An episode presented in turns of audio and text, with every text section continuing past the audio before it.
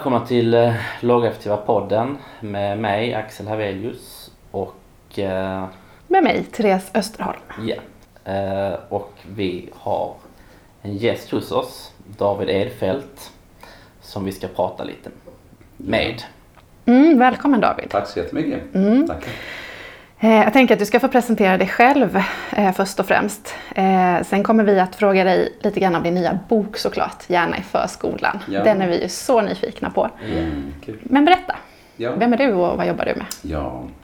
Eh, jag är psykolog, eh, har jobbat som förskole och skolpsykolog några år och som samordnare för massa utredningsteam. Men idag jobbar jag för, med handledning och utbildning till eh, framförallt pedagogisk personal, förskola och skola och högre upp. Ja. Mest och lite andra verksamheter också. Mm. Och du skriver en del böcker också. Ja, det har jag gjort. Ja, Ja. vad har du skrivit för någonting? Alltså, ehm, min kollega och jag vi hade utbildningar i massa år. Eh, och det var för förskolor och det var för skolor. Och, och cheferna kom och undrade, men eh, har ni några bra tips? Och sådär. Och vi tyckte att de var antingen för breda eller för smala på olika sätt. Mhm. Så eh, då blev det att eh, eh, vi, vi skulle skriva en bok tillsammans, min kollega och jag.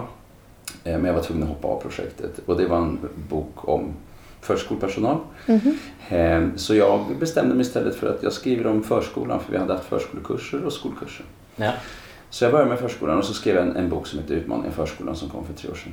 Ehm, och eh, som det är när man börjar med någonting eh, och, och liksom ser vad finns det på den här arenan och, och så vidare så, så inser man att ja, men det här är hur mycket som helst att dyka ner i. Så eh, i efterdyningen av den då så, så, så, så tänkte jag på det här med, med hjärnan. Och jag tänkte att eh, i, eh, i skolan pratar vi om hjärnan och det finns en del böcker om hjärnan i skolan och sådär. Men, eh, men i förskolan så pratar man om barnen. Jag tänkte också just en... att Min uppfattning är att det finns väldigt lite litteratur skriven av psykologer mot förskolan. Ja. Vad tror du det kan bero på? Jag vet faktiskt inte riktigt eh, eh, vad det kan bero på faktiskt. Om det är så att eh, det är ju färre psykologer som jobbar gentemot förskolan än mot skolan eftersom vi har en elevhälsovård. Och vi har ju inte en eh, typ företagshälsovård gentemot förskolan. Nej. Det finns inget lagstadgat kring det. Och det tror jag måste komma. Därför att BVC har inte mandat att titta på miljön i förskolan. Och i ett elevhälsoteam så gör man ju det. Då kan man prata om hela miljön Ja. och alltihopa. Eh, hade vi haft det så hade vi nog haft fler. Men, men det är en eh, del utav det. Sen finns det ju en del som har skrivit eh, på bredden. Alltså en del har skrivit för, för föräldrar och haft mycket med föräldrar att göra, BVC-psykolog eh, och sådär. Eh, men, Ja. eh, och det finns flera sådana. Och sen, och sen är det, finns det ju litteratur som är mera kopplat, alltså det finns diagnosspecifik litteratur, det finns specialpedagogisk litteratur och utvecklingspsykologi finns det ju flera böcker och hur man ska göra för föräldrar. Men just det här med mötet med förskolan, det var, jag såg att där var det väldigt lite skrivet. Ja. Och om man tar då Gärna i förskolan som Mm. boken heter. Vad, vad är det den handlar om? Vad får man till sig? Vad, var det, vad är den pusselbiten som du tyckte liksom Ja. fattades då? Vad ger den oss nu då? Alltså egentligen är den, st- den största kanske frågan är ju eh, en slags förståelse för att det är det här vi jobbar med. Det är liksom det här som är själva jobbet. Förskolepedagogens arbete handlar om att eh, få den mest optimala förutsättningar för varje barns hjärna att växa och utvecklas. Och, eh, eh, så det är det. Men det är också det är en ganska bred bok. Det är alla möjliga olika områden. Eh, bland annat också om sömn och mat och, och olika känslor. Och så så det är en ganska bred bok på det sättet. Eh, och utifrån alla de här olika aspekterna att på något sätt plocka upp. Så det är ganska mycket bred barnkunskap någonstans. Ja. Hjärnkunskap. Men också att placera det i en förskolekontext med de berättelserna tänker jag. Om eh, barnet i vardagen. Alltså att ta en situation och fundera över vad är det som händer för barnet? Vad är det som händer i barnets hjärna? Ja. Vad är det som vi inte ser men som vi ändå ha- har allt mer kunskaper om idag? Eh, så det var liksom det som var lite utgångspunkten. Eh, och egentligen får man ju inte göra så här men jag kom på bilden på framsidan innan jag hade skrivit boken. Det ska man inte säga högt men det var faktiskt så. Men det var guldhjärnorna. Jag såg framför mig guldhjärnorna. För det, för, för det är liksom det som jag tänker är också berättelsen eh, om vårt land är ju järnmalmen som blev till stål, som blev till bilar och fartyg och, och, och, och så. Men, eh, och, och det var vårt kapital som gjorde att vi gick från att vara något kålrotsland i norr till att bli en av världens rikaste länder. Ehm, men vad är vårt kapital idag? I ett kunskapssamhälle så är det ju visst fortfarande också eh, industri och så vidare. Men det är allt mer utav innovation och allt mer utav, så det är liksom hjärnan. Så det är vårt guld. Och jag tänker så här, vilka är det, eller så här snarare. Pedagogerna som jobbar i förskolor och i skolor och andra verksamheter som har med barn att göra. De är de nya hjärnarbetarna. Fast med HJ. Mm, Så precis, det är liksom där gruvarbetarna. någonstans. va? Ja. Ja, precis. Så det är liksom där vi är någonstans. Och, och jag tycker att vi har haft för lite fokus på det. Ja. Just det, och den, eh, den riktar sig till förskolan. Så Mm. eh, utifrån den kunskapen som du liksom levererar där om barns hjärnor och vad som krävs för att hjärnan ska utvecklas på allra bästa möjliga sätt. Mm. Hur skulle då den bästa förskolan se ut? Vad är det Ja. för komponenter som vi behöver bygga på där? Alltså det är ju en, en eh, sån, eh, det är en otroligt stor fråga. Ehm, eh, och vi har väldigt många aspekter där. Ehm, vi vet att eh, gruppstorlek är betydelsefullt men vi vet också att kompetens är betydelsefullt. Eh, vi kan inte göra hur stora grupper som helst. Eh, eh, eh, samtidigt så har vi inte personal till att göra hur små grupper som helst heller. Men, men det finns en framtidsriktning. Men storleken är inte det mest avgörande utan det är också kompetens. Så, så, så kompetens eh, är ju en viktig fråga. Eh, Men sen har vi ju hela, alltså, läroplanen kom 98 och sen har det skett en förändring allt eftersom med en slags, eh, eh, vad ska man säga, med läruppdraget centralt och nu kommer undervisningsbegreppet. Men vi måste ju se till att undervisning eh, för tvååringar och fyraåringar ser radikalt annorlunda ut än för sju och 12 och 15-åringar. Så vi måste verkligen fundera på vad, vad är det som faktiskt är väsentligt. Och, och då kan man tänka så här att om vi gör för mycket skoleliknande upplägg som redan idag finns. Nu jobbar vi med tema här på tisdag för dagen och då tittar vi på vattnet eller rymden eller kroppen eller Ja. någonting annat. Eh, och så, så måste vi hitta det där sättet som gör att det där blir på ett bra sätt. Gör vi för mycket att man ska lyssna eller och inte göra så, här, så får vi problem. Så jag tänker att vi rör oss i en riktning där, där om, om vi nu ska tänka oss att vi får med oss alla barn, då måste vi också fundera på hur gör vi för att få med oss alla barn? Och den svåraste situationen egentligen kan jag tycka eh, kanske faktiskt är när, man, när alla barn ska göra samma sak samtidigt. Alla ska sitta i samlingen, alla ska gå på en rak linje på väg till parken, alla ska äta samtidigt, alla ska vila samtidigt. Det som händer då det är att pedagogerna hamnar i en situation där de blir mindre flexibla. Flexibiliteten man kan lösa i till exempel en samling det är att låta någon sitta i knät eller sitta bredvid eller få glida ner lite på golvet eller hålla en sak i handen fast vi håller egentligen inte saker i handen. Mm. eh, eh, eller sitta bredvid. Och så. Där har vi en slags flexibilitetsmöjlighet som gör att vi inte kräver lika mycket utav alla samtidigt. Men just det här förväntan eller kravet eller, eller, eller idén om att man ska klara vissa, för det är ju vissa saker man ska klara. Och när det krockar med vissa individer, vissa barn då som har det tuffare att fixa de här situationerna så, så uppstår liksom krockar. Eh, och då måste vi hitta sätt där vi kan få, eh, där, där kanske vissa, ja men vissa kanske kan leka fritt samtidigt som någon behöver ha mer uppstyrning. Och då måste man klara av att, så att säga, fixa de här sakerna samtidigt. Och på samma sätt då om vi gör det lite mer situation där alla barnen ska titta på eller lyssna på eller göra någonting särskilt och att det krävs att man lyssnar på andra och sådär. Så måste vi också hitta vad är flexibiliteten på andra sidan i den situationen. Så vi har många situationer och där tror jag att vi måste röra oss mycket mer mot hur vi så att säga designar vardagliga situationer. Och det blir så att säga stunden i fokus. Hur gör vi bäst här nu? Den här stunden i hallen, vid vilan, vid maten. Hur ska vi liksom designa så att det funkar för alla? Nej, jag tänker på två saker när du Ja. beskriver det. Just att när jag har arbetat i förskolan just hur eh, otroligt stor eh, betydelse det har för personal det här med samling och att alla ska fixa den. Eh, och sen är det ju också intressant när du beskriver om kompetens för jag tycker man pratar mindre om det än om de stora barngrupperna. När man är ute och pratar med personal. Att Mm. ofta läggs det på att det är för stora barngrupper. Ja. Eh, Och att man börjar där. Och att man då försätter sig i något situation där man inte tycker att man kommer att kunna klara av det eh, på ett tillräckligt bra sätt. Med annat än att man får mer folk. Ja, Nej men precis. Och, och det kan vi ju se också i riktigt heta situationer. Ibland så kanske man tillför någon person eh, i verksamheten som ska vara väldigt mycket med något barn som på olika sätt möter utmaningar i vardagen.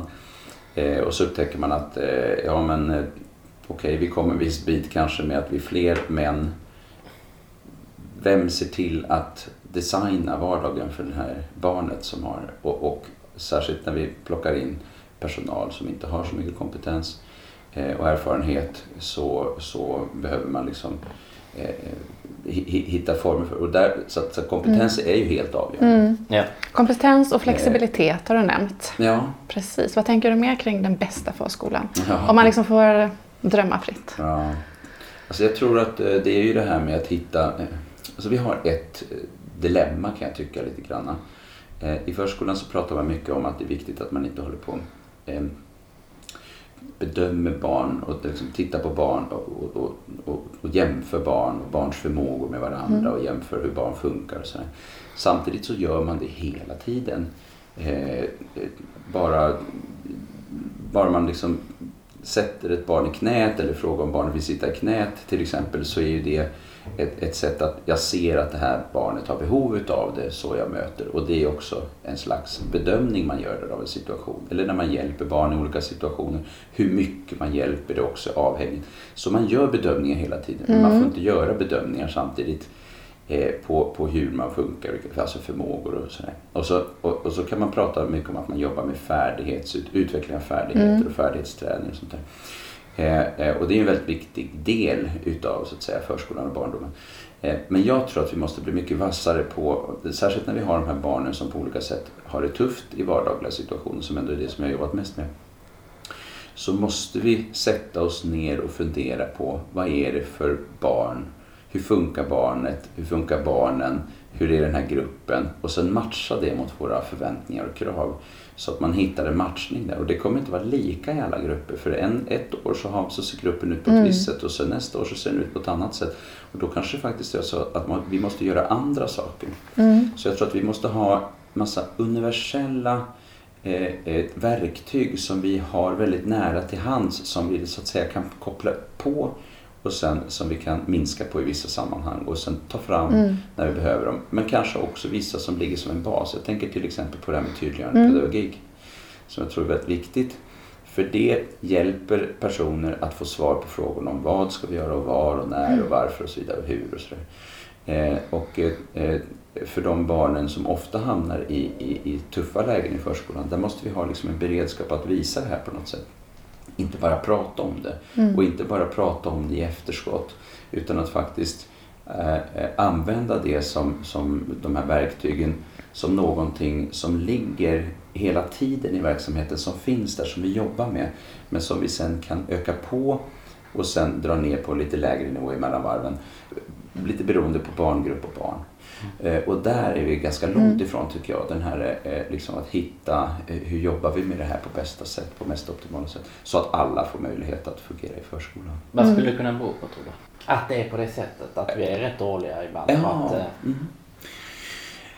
Eh, nej men jag tror att det är en kompetensfråga lite grann det här att, eh, att förstå vad är det som ligger bakom att det blir eh, så trassligt för en del i vardagen. Så mer kartläggningar egentligen låter Ja, jag tror vi behöver kartlägga Mm. mer. Eh, både på individnivå men också på gruppnivå. Eh, och på gruppnivå så tänker jag att man kanske kan till exempel kartlägga situationer. Ja. ja. Man kan kartlägga till exempel hur har vi det nu i hallen här? Mm. Hur har vi det nu inför vilan? Hur har vi den här övergången från maten till det som händer på eftermiddagen, där kanske vilan då, eller andra äh, situationer. Eh, att jobba med kartläggningar och sen försöka då hitta eh, lösningar för det. Mm. Och, eh, så både kartläggningsbiten innehåller ju en viss typ av kompetens men också själva eh, vad ska man säga, metoddelen eller vad man säga, Mm. hur gör vi då Ja, delen. Ja. Eh, och jag tror att vi behöver utveckla den. Mm. Ja. Eh, Jag tycker till exempel att jag har varit på, i många verksamheter och det, och det är ju vanliga också i handledning till exempel eftersom det är mycket handledning. Man kommer ut och man tycker ja, men vi har gjort det här, det här, det här, det här, men det funkar inte. Ja. Och då är det någonting som saknas. Man har så att säga tillhandahållit ett antal pinnar på den här stegen upp på den här liksom, höjden. Men man har inte till, tillhandahållit så pass mycket att man kommer upp där på höjden. Alltså Ja. det blir för svårt. Och det, jag har inte sett något ställe där man så att säga har samlat ihop alla de här smarta verktygen och sett den tillräckligt drivet. Eh, och jag tror att vi behöver komma där. Vi behöver både ha analysdelar men vi behöver också ha idéer om vad man kan göra. Och det räcker inte bara med att ha massa idéer om vad man kan göra om man inte förstår hur man ska använda dem. Mm. Utan det måste matchas mot att vi ser ett behov någonstans och sen så kopplar vi på eh, en lösning. Eh, och där tror jag till exempel ja, tydliggörande pedagogik är en del men det finns också andra delar där förstås. När du är ute och handleder, Mm. vilka, vad, vad, är det som är, vad finns det mest behov kring? Vad är det du får liksom Ja. flest frågor kring? Eftersom jag kommer externt så att säga Mm. eh, ifrån så blir det ofta när det har krisat rätt rejält. Mm. Oftast då de här barnen som har det riktigt tufft i verksamheterna. Det kan vara ganska många barn där man liksom tänker att ja, men det här kanske är en odiagnostiserad ADHD eller autism eller, Mm. eller så. Men, eh, men också där kanske personalen inte alltid är helt överens om hur man ska förhålla sig. Eller som till exempel att det har varit mycket också eh, kraftiga så här, utbrott, barn som får Mm. utbrott med jämna mellanrum och slänger saker och, de har, och det har hänt många gånger och sen så till slut kommer man till en punkt där man känner att det här funkar inte längre. Och sen att försöka hitta ingångar till hur man ska förstå. Jag tänker också när man får mer kompetens kring eh, hjärnan som exempelvis av din bok så kanske man också kan reflektera lite mer kring funktioner Ja. eh, och vad som kan ligga bakom de olika situationerna som uppstår. Just det. Eh, och att man kan förhålla sig till det på ett, ett praktiskt sätt helt enkelt utan att försöka döma eller annat utan bara försöka skapa så bra situationer som möjligt. Ja, det har nog varit också en, en ambition som jag haft kan man säga att eh, just öka på vad man säga, eh, förståelsen för variation Mm. på funktionsnivå man säger så. Det här med förmågor och färdigheter hur de utvecklas olika takt och att vi faktiskt är väldigt olika och att vi måste att verksamheter måste anpassas till det faktum att vi är väldigt olika. Och vi ser det väldigt tydligt när det gäller vissa saker. Vi ser barn som pratar väldigt tidigt och barn som pratar väldigt sent. Vi ser barn som går väldigt tidigt eller går väldigt sent. Men sen har vi en massa andra saker. Det här med att vänta på sin tur. Eh, kunna sitta tillräckligt länge på rumpan och lyssna. Det är lite mer sån här, det är inte alls lika tydligt alla gånger. Nej. Som pratet eller, eller, eller, eller gången eller vad man ska Ja. säga, motoriken. Så, så där är ju också, men sen är det ju just det här, det är en kombination. Det är en hjärna men, och, och, och många hjärnor. Mm. Men det är också en miljö. Och det är hela tiden mötet mellan miljön eh, och eh, alltså just det här Förmågor. mötet som måste man få. Och om man som förskoleverksamhet kanske inte riktigt har nått fram till den där drömbilden som du målar upp ännu med kompetens och flexibel personal och när man arbetar med kartläggning och analys. Vad har du för tips till förskolepersonal liksom som möter besvärliga barn redan imorgon? Ja, oj, oj, det är ju en så stor fråga egentligen. Eh, men, och, och, och, och, det är klart att det finns ju några vad säga, grundregler. Jag tänker på det här att eh, vi ska hålla oss på vägen mellan två diken. Där det ena diket är att överge barn och det andra diket är att tvinga barn. Så vi ska försöka hålla oss på vägen mellan att Mm. överge och tvinga. Eh, och det är ju en viktig princip, eh, tycker jag. Mm. Eh, men det är också det som så att säga är utmaningen någonstans. Vilken pedagogik är det då som, som ska funka på ett bra sätt? Eh, till exempel om ett barn, om man har flera barn och något barn bara hela tiden reser sig upp och är två år gammal och inte tänker vila, Ja. men ändå bör vila. Mm. Eh, hur kan vi så att säga få barnet att vila? Det är en ganska svår situation. Eh, och eh, ibland tror jag att man är lite för, för snabb, har lite för bråttom, man är stressad. Eh, och man kan fundera på hur, hur viktigt är det med att hålla tider exakt och så. Men det finns många olika delar i det där. Ibland är man kort om folk så det är jättesvårt. Det är ett svårt läge. Och då kan man ju inte ha lika hög ambition som när man är fulltaliga och har planerat någonting och, Mm. och, liksom, och har en grupp där det funkar. Så att, vi, vi, kan inte göra, vi kan inte skapa vilka lärsituationer som helst om det inte finns en grundläggande trygghet. Så trygghet är ju helt avgörande. Mm. Och där kommer ju relationsskapande, där kommer också struktur. Mm. Eh, jag tror att det där med, med tydliga strukturer och rutiner, det här återkommande, liksom barn har behov av det återkommande. Att det, är liksom, det återkommer, det är ganska lika. Vi gör det här idag, vi gör det imorgon. Alltså lite det här. Mm. Och eh, där kan man säga att förskolan är hyfsat bra ändå på att skapa rutiner och strukturer. Men jag ser också en uppluckring av det. Eh, där man skapar små lösningar och, och, och, och liksom Nej, men du var med i blå gruppen förra gången och du kan vara med i gula gruppen den här gången för det är blå gruppen så hon är ju ledig idag så du kan vara med i den gula mm. gruppen. Så kan, Men vi ska vara ute idag istället. Alltså, mm. Och plötsligt så blir det väldigt vimsigt och rörigt för en del barn och en del barn har jättesvårt för den här typen. Och när vi, in, när vi skapar i stunden eh, förändringar så behöver vi också fundera på, hänger barnen med på det här? Och då använder vi väldigt ofta pratet som ett sätt att lösa de här situationerna mm. på. Jag tror att vi måste använda mycket mer andra typer av stödhjälp samtidigt. Vi måste använda bilder och strukturer, färger och annat som liksom guidar barnen i mycket större utsträckning. Så pratet kan tillföra stress till och med? Om ja, det, är för... det tror jag absolut att det kan mm. göra i, i heta lägen. Ja. Och, och, det finns en risk ibland i just eh, snabba vändningar att det blir mycket tillsägelser och tjat ja. och förmaningar och skäll och annat. Eh, eh, men, men att också vara nyfiken på barnen, tänker jag. Mm. Alltså att, att prata med, med barnen och inte till barnen i större utsträckning. Mm. Upptäcka barnen, vara nyfiken på lite som detektiven. Eh, på något sätt. Också ställa frågor om vad och var till barnen. Så vad händer då? Hur tänker du då? Alltså lite så. Mm. Eh, men, men förstås inte varför-frågor. Vad får jag fatt i om jag eh, lyssnar tillräckligt länge på barnet? Mm. Eh, vad var det som hände? Eller, eller hur, hur, hur tänker barnet kring den här situationen? Det tror jag också är ett stort utvecklingsområde. Just det, att man inte är så snabb i sin förutfattade mening Nej. utan man är man försöker sätta sig in i hur blev det här för ja. barnet. För det är ju det som kan ja, göra förändringen. Ja, barnperspektivet. Ja, ja precis. Va? Mm. Det individuella barnet. Mm. Ja, se alla. Eh, och det är ju jättesvårt i en jättestor grupp om det är jättemånga barn och det, och det händer olika saker. och så ja.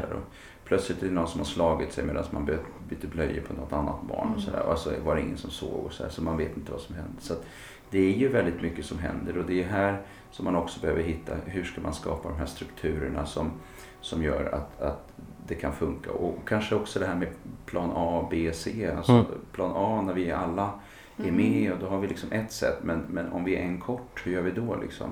Ja, då går vi in i plan B-läge och hur ser det ut? Liksom? Att man som personalgrupp har funderat kring det innan? Ja, ja det. så att man liksom har lite idéer kring mm. hur gör vi då? då? Så det inte blir tvinga eller överge just på grund av att vi kanske inte är tillräckligt Nej, många. Just mm. det. Och att man hittar, och då kanske man inte kan ha lika höga ambitioner. Eh, eh, så. Men vi får göra så gott vi mm. kan så att säga med det vi har. Mm. Eh, men att man också har, okej okay, idag är det plan B. Vad betyder det? Ja men då vet man lite mer. Det här finns en plan. Mm. Man har tänkt till i förväg. Mm. Jag tror vi behöver komma mera i den, dit också. Mm. Ja. Ja, det, det, är oerhört eh, komplext och, och, hjärnan är ju så spännande också för den, det finns ju så otroligt många infallsvinklar på just hjärnan och mm. forskningen idag är ju så gigantisk så det är ju som att ställa sig under Niagarafallet och gapa liksom om man ska försöka få i sig någonting. För det mesta passerar liksom. Det är ju hur mycket som helst.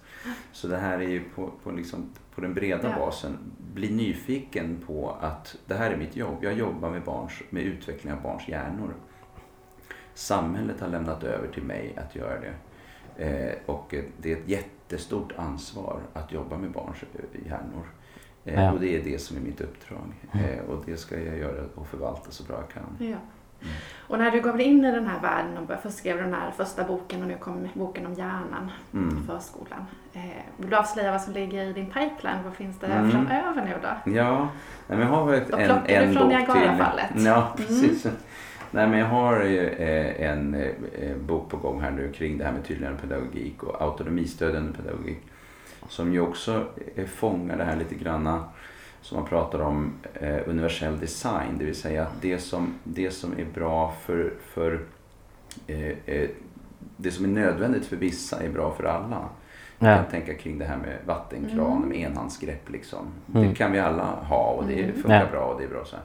Eh, Men det är också bra för en person som har en begränsad liksom, rörlighet i armen, Ja. handen och så vidare. Frågan är hur kan vi ta det här till att den här tanken till eh, den pedagogiska förskolevardagen till exempel. Ja, just det. Eh, och även, eh, jag kommer inte bara jobba med förskolan här utan, utan det, sen kommer det också högre upp i åldrarna. Ja. Gymnasie, högskola och Mm. grejer. För där behöver vi också tänka till hur gör vi för de här Mm. eleverna som på olika sätt har det Så det blir en serie. Plugga så att säga. Vad sa du? Det blir en serie. Ja, det är väl det som kanske är tanken här som Mm. vi kan liksom, kring det här med tydligare pedagogik. Det tror jag är, är någonting att, att hålla fast vid. Det blir liksom som, lite grann som en ledstång i verksamheten som vi kan hålla, hålla tag i lite grann. Om vi och tar ett konkret exempel på tydliggörande pedagogik, Mm. man var väldigt tydliga så. Vad skulle det kunna vara i förskolan? Ja, egentligen finns det jättemycket. Men om man tänker sig att man ska iväg till något ställe så kan man ju fundera på eh, alltså, vad ska vi göra, var ska vi vara, när och vad ska hända sen eller vad ska hända där och vilka är med och sådär. Och vi skulle kunna till exempel ha bilder i hallen eh, på vad som ska hända. Eh, ibland när man kommer till förskolehallar så kan man se att det finns bilder på vilka kläder man sätter på sig. Det är en ganska tydlig, tydligt sätt att arbeta på. Man kan ha bilder så här så kan barnen titta där. Så. Men det här kan ju också göras mycket mer pedagogiskt på så sätt att man eh, har en liten korg och så har man lite inplastade bilder på kläder och så låter man två barn gå ut i hallen och så tillsammans så tittar man på vädret och så pratar man om vilka, vilka kläder ska vi sätta på oss idag och sen så tar man hjälp av barnen att skapa den här bilden på hur man sätter på sig kläderna, vilken ordning man sätter på sig kläderna. Mm. Då börjar barnen reflektera över eh, väder, kläder, ordning. Och sen kommer barnen, eftersom de roterar i det här, så kommer de att börja titta där mycket oftare för att de har ju varit med ibland och gjort den här. Och då skapar man en pedagogisk situation i hallen. Så det är ju med kläderna, men där kan man också använda den typen av teknik kopplat till vad ska vi göra Mm. nu då, så att säga. Eh, och, och där kan man ju också lägga till med vem. Mm. Det vill säga vi kan ha en bild på en Mm. vem har vilan idag till exempel? Kan vi ha en bild på det? Vem, Mm. ja, vad ska vi göra ute i, i, i, i parken? Vilka är med idag? Ja, men det är de här två Ja. eller tre som går iväg. Eller vi går i olika grupper. Ja. Mm, vad ska jag göra var med, och med hjälp av bilder? Så det är liksom olika sätt att arbeta på. Ganska konkret är det ju. Väldigt Ja. konkret. Väldigt bra tips. Eh, och eh, det kan ju också vara att man börjar bara med, helt enkelt med att rita streckgubbar Mm. eh, för saker och ting. Alltså jag menar enkla bilder. Mm. Eh, för att komma igång. Man behöver inte vänta på att plastmaskinen lagas tre månader senare. Liksom. Just det, mer prestigelöshet. Ja, Ja, det. testa sig fram. Mm. Mm. Testa sig fram. Ja, Ja. Tack så jättemycket för Tack idag eh, David. Det var jätteintressant och, och eh, ja, det är ju verkligen jätteviktigt det du sysslar med.